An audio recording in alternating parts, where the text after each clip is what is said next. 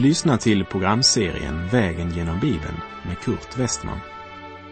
Programmet sänds av Transworld Radio och produceras av Norea Radio Sverige. Vi befinner oss nu i Hebreerbrevet.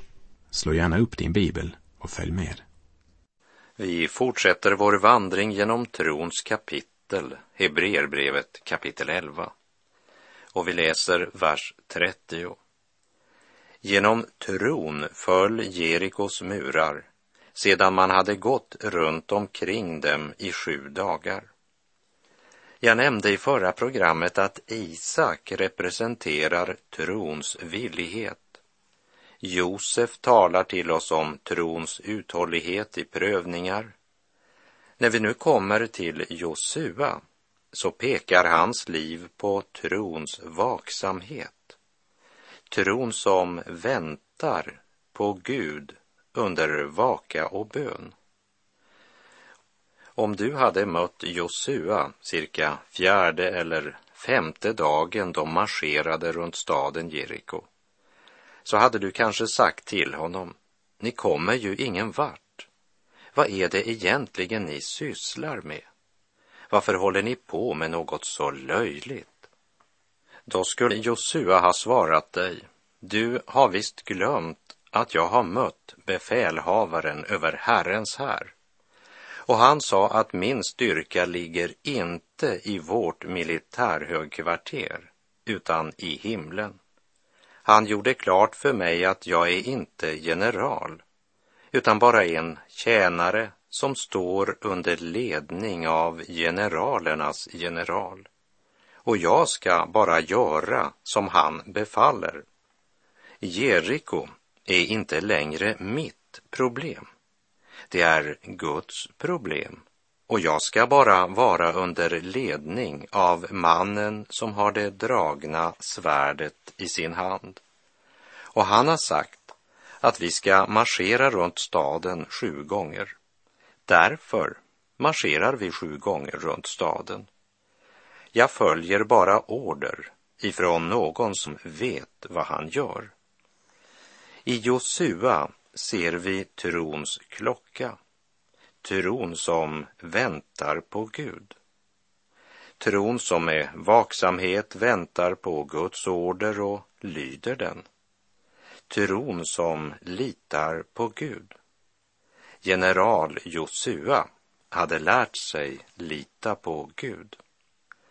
Josua var en man som hade tid till stillhet.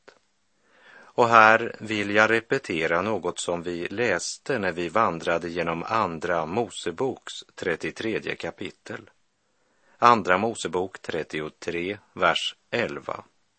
Och Herren talade med Mose ansikte mot ansikte, som när en man talar med en annan. Sedan vände Mose tillbaka till lägret, men hans tjänare Josua, Nuns son, en ung man, lämnade inte tältet. Josua tillbringade mycket tid i uppenbarelsetältet. Han var redan ifrån unga år van att ta sig tid att lyssna till Gud. Väntan och vaksamhet präglade honom redan från unga år. Segern över Jeriko, det är ett underbart exempel både på lydnad, vaksamhet och uthållighet i tron. Men Josua talar inte bara till oss om trons väntan, utan talar också till oss om trons seger och fiendens fall. Josua var en av dessa trons män som var övertygad om att vad Gud hade lovat, det var han också mäktig att hålla.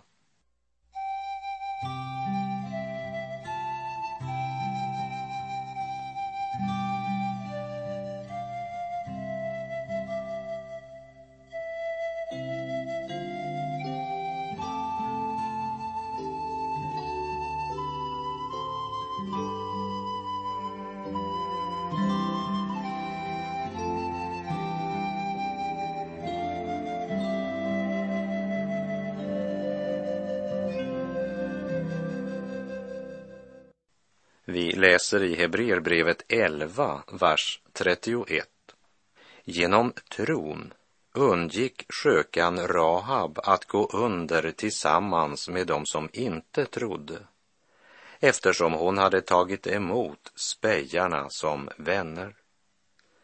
Här möter vi något som jag skulle vilja kalla för trons under.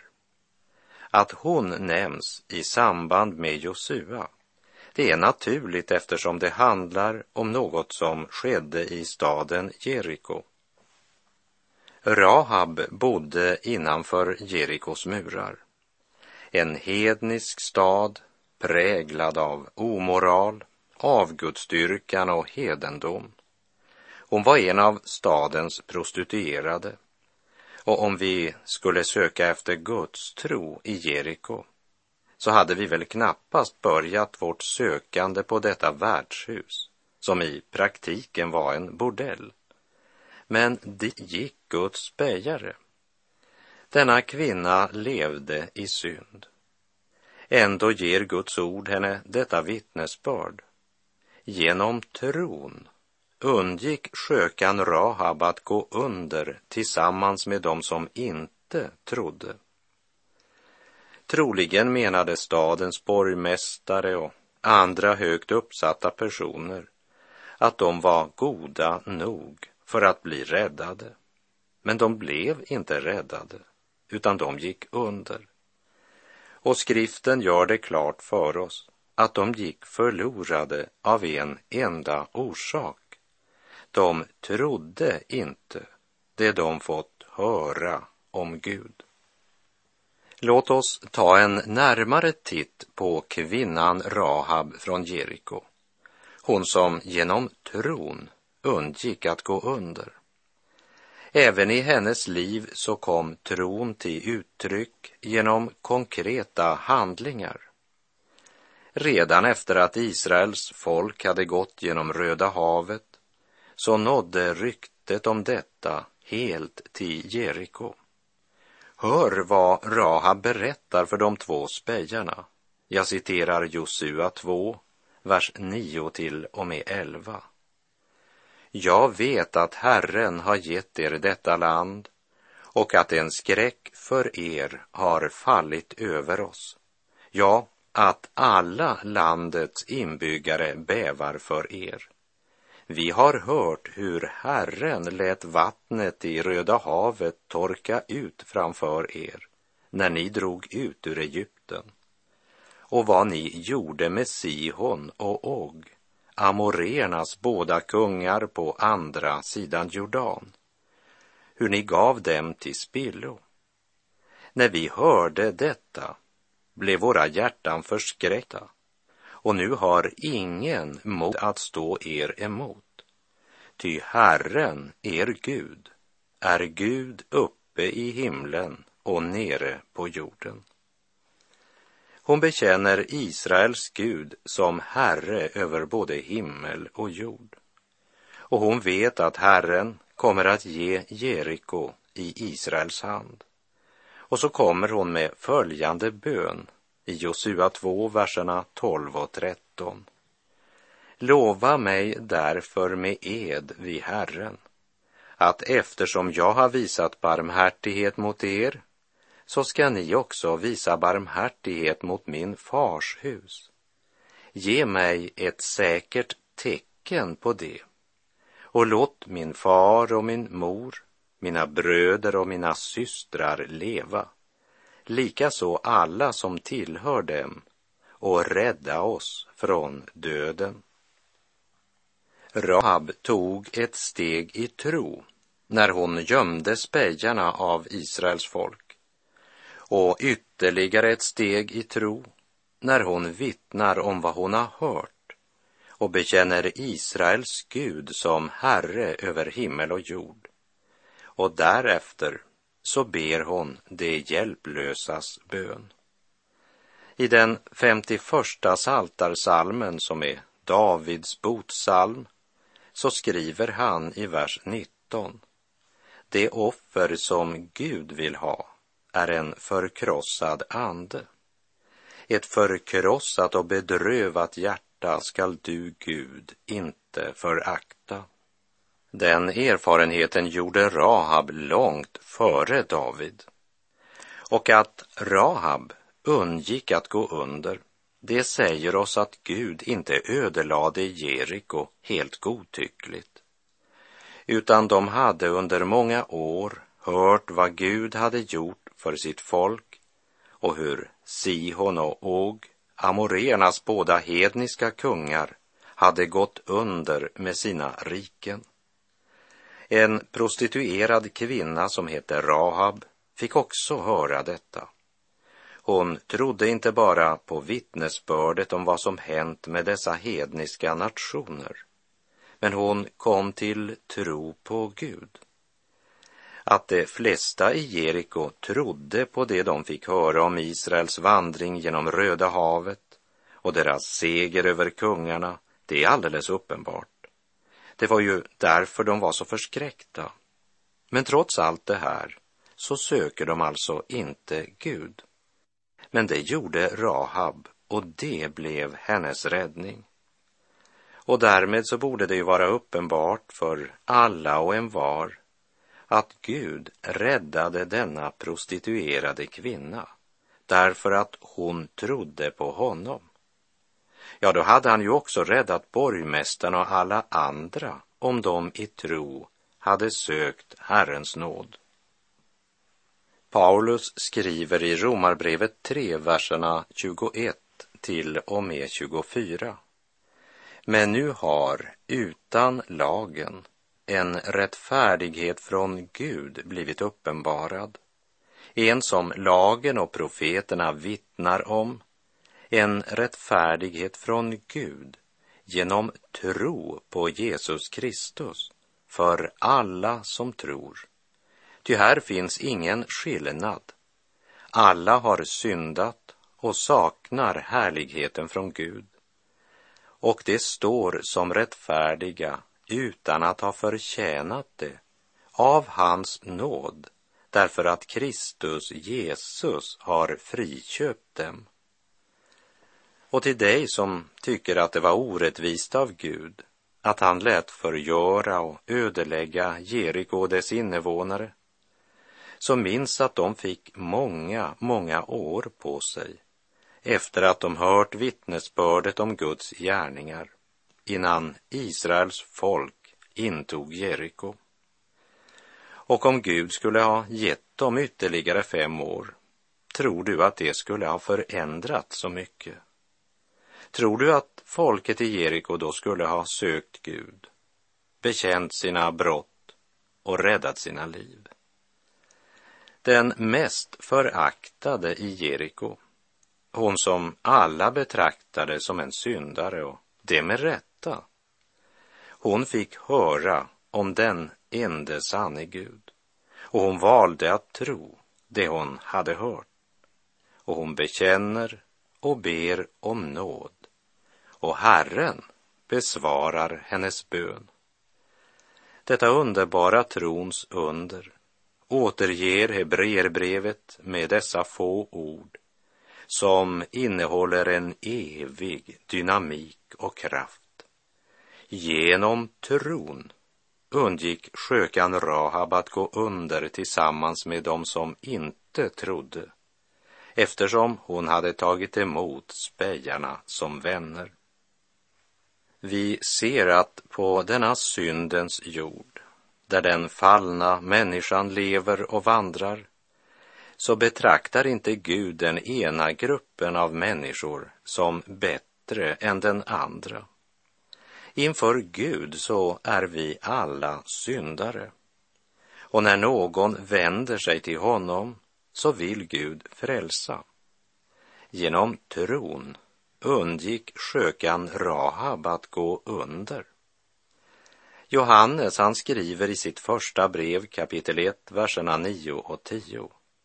Om vi bekänner våra synder är han trofast och rättfärdig så att han förlåter oss våra synder och renar oss från all orättfärdighet.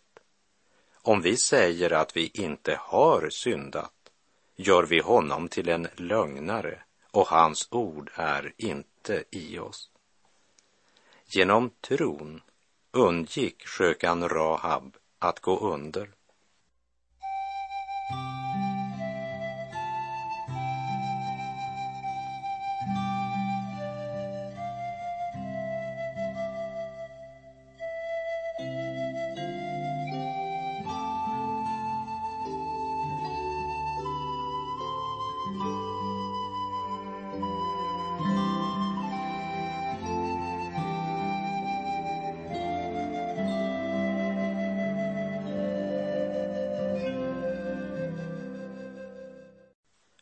Abel visade oss trons väg genom blodet från offerlammet. Hanok illustrerade trons vandring med Gud i vardagen. Noa talar om att vara trons vittnen i vår samtid. Abraham talar om trons tillbedjan. Isak representerar trons villighet. Josef han talade till oss om trons uthållighet i prövningar. Och genom Mose påmindes vi om trons konsekvens, alltså trons pris. Josua talade om trons vaksamhet. Tron som väntar på Gud under vaka och bön. Och genom skökan Rahab mötte vi trons under frälsning genom Guds nåd alena. Och Hebreerbrevet fortsätter och säger i Hebreerbrevet 11.32. Vad ska jag säga mer? Jag skulle inte hinna med att berätta om Gideon, Barak, Simson och Jefta, om David, Samuel och profeterna. Hebreerbrevets författare har kommit till en punkt i det gamla testamentets historia där han utbrister. Vad ska jag säga mer? Det finns så många exempel på troskämpar, om vi får eh, kalla dem så. Det finns oändligt många exempel i skriften på kvinnor och män som genom sina liv visade tron i funktion. Så nämner han en rad med namn och förklarar att han helt enkelt inte hinner med att i detalj stanna inför var och en av dem. Och uttrycker samtidigt att de verkligen hör hemma i det här kapitlet tillsammans med många andra som inte blir nämnda. Tiden skulle helt enkelt inte räcka till. Men var och en av dessa namn illustrerar på olika sätt trons strid, det vill säga den kamp som vi alla har att utkämpa. Men det som kännetecknar listan i Hebreerbrevet 11.32 det är att alla som uppräknas här på ett eller annat sätt är regenter eller styrande. Gideon, Barak, Samson, Jefta och Samuel var alla domare. David var kung och de var alla centralt inbegripna i Herrens strid. Och var och en av dem vann en trostrid. Vi ska inte heller gå i detalj när det gäller dessa män. Men jag har lust att säga några ord om Gideon. För om det någonsin funnits en man med svag tro så var det Gideon. Han var en svag och rädd man. Samtidigt måste vi säga att han tvivlade nog mera på sig själv än vad han tvivlade på Gud. Domarboken berättar att på Gideons tid så gjorde Israels folk det som var ont i Herrens ögon och därför så gav Herren dem i Midjans hand. Så ofta israeliterna hade sått så drog midjaniterna upp mot dem och slog läger där, överföll dem och fördärvade landets gröda ända fram mot Gaza. Och Israel, ja, de tvingades fly från sina hem till hålor och grottor i bergen för att bärga livet. Vid den tiden så är Gideon domare i Israel och landet var i stor nöd på grund av midjaniterna. Det är den historiska verkligheten när Gud kallar Gideon. Och när kallelsen når honom, ja, då sitter han gömd i en vinpress där han försöker tröska vete. Han sitter där i hopp om att ingen skulle kunna se honom. En vettskrämd ung man arbetar gömd i vinpressen av fruktan för sina fiender som om och om igen hade stulit skörden. Här var det verkligen ingen luft som kom ner till honom. I alla fall eh, ingen vind som kunde blåsa bort agnarna. Nej, när Gideon kastar säden i luften så kommer agnarna ner igen och kommer in i skjortan och gör det hela mer än okomfortabelt. Kan du se den här frustrerade mannen för dig? Det är Gideons situation när Herren sänder sin ängel för att kalla Gideon. Och det gör han med följande ord. Herren är med dig, du tappre stridsman. Det är inte underligt att Gideon hade svårt att tro att det är till honom ängeln talar. Och han erkänner villigt att han är feg. Och han svarar, hur ska jag kunna rädda Israel? Min ätten är ju den oansenligaste i Manasse. Och jag själv, jag är den ringaste i min fars hus. Du har valt fel man. Jag är ju ingenting.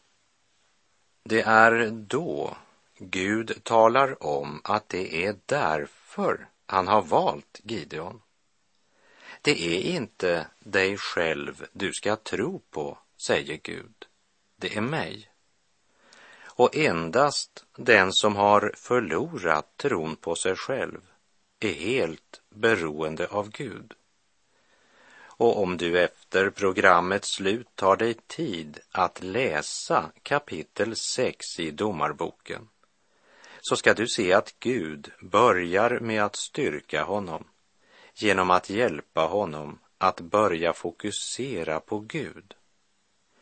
Han fostras och leds av Gud helt till den dag då han är redo att gå till strids mot midjaniterna med en här på bara 300 man. Och med dessa 300 man så gav Gud honom seger. Tron förvandlade mannen som gömde sig i vinpressen till en man som litade på Gud.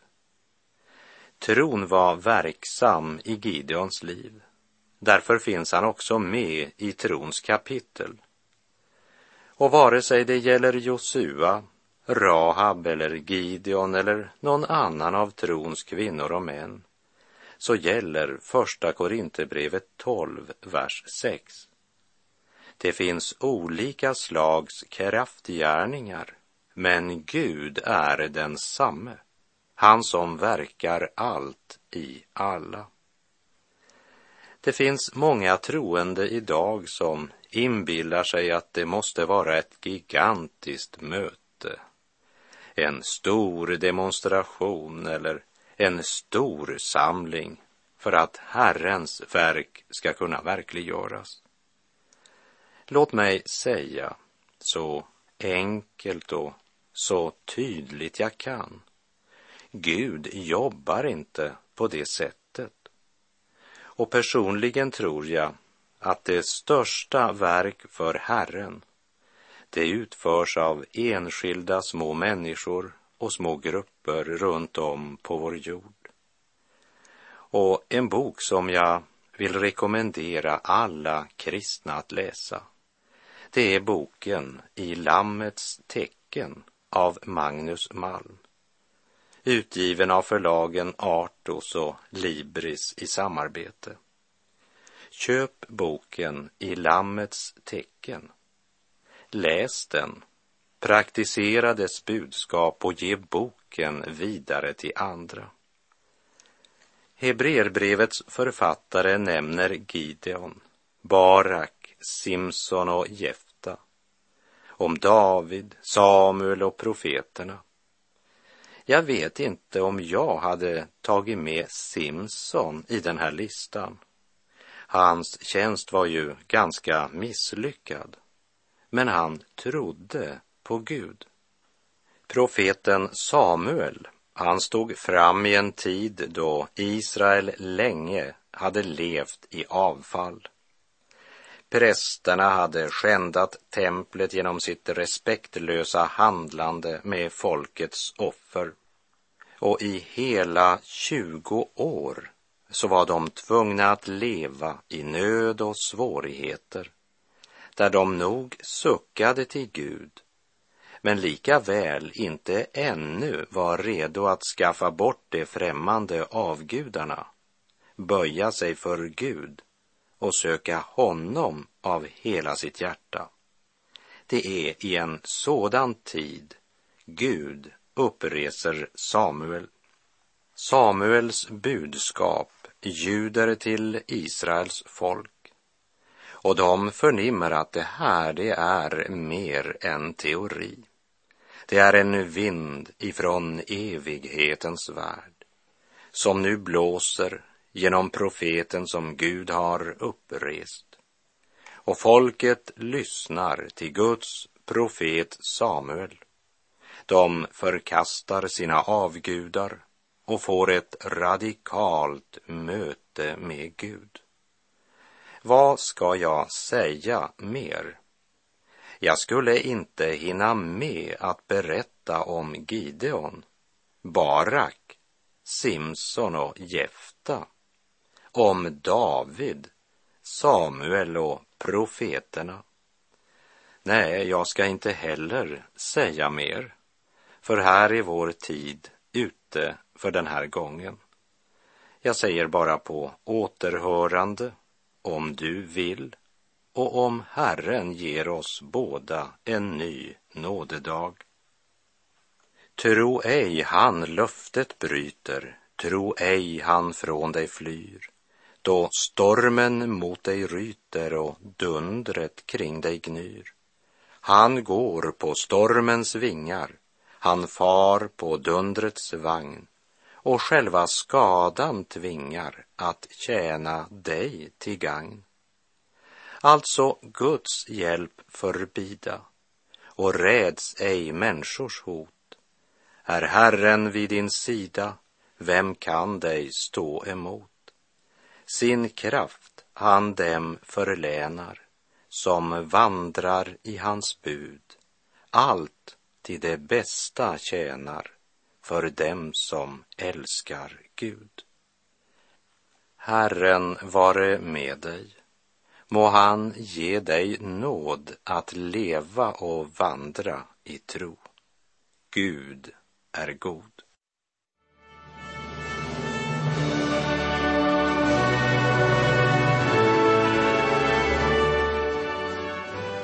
Du har lyssnat till programserien Vägen genom Bibeln med Kurt Westman som sänds av Transworld Radio. Programserien är producerad av Norea Radio Sverige. Om du önskar mer information om vårt radiomissionsarbete så skriv till Norea Radio Sverige, box 3419 103 68 Stockholm. Adressen är alltså Norea Radio Sverige box 3419. Postnumret 10368 Stockholm.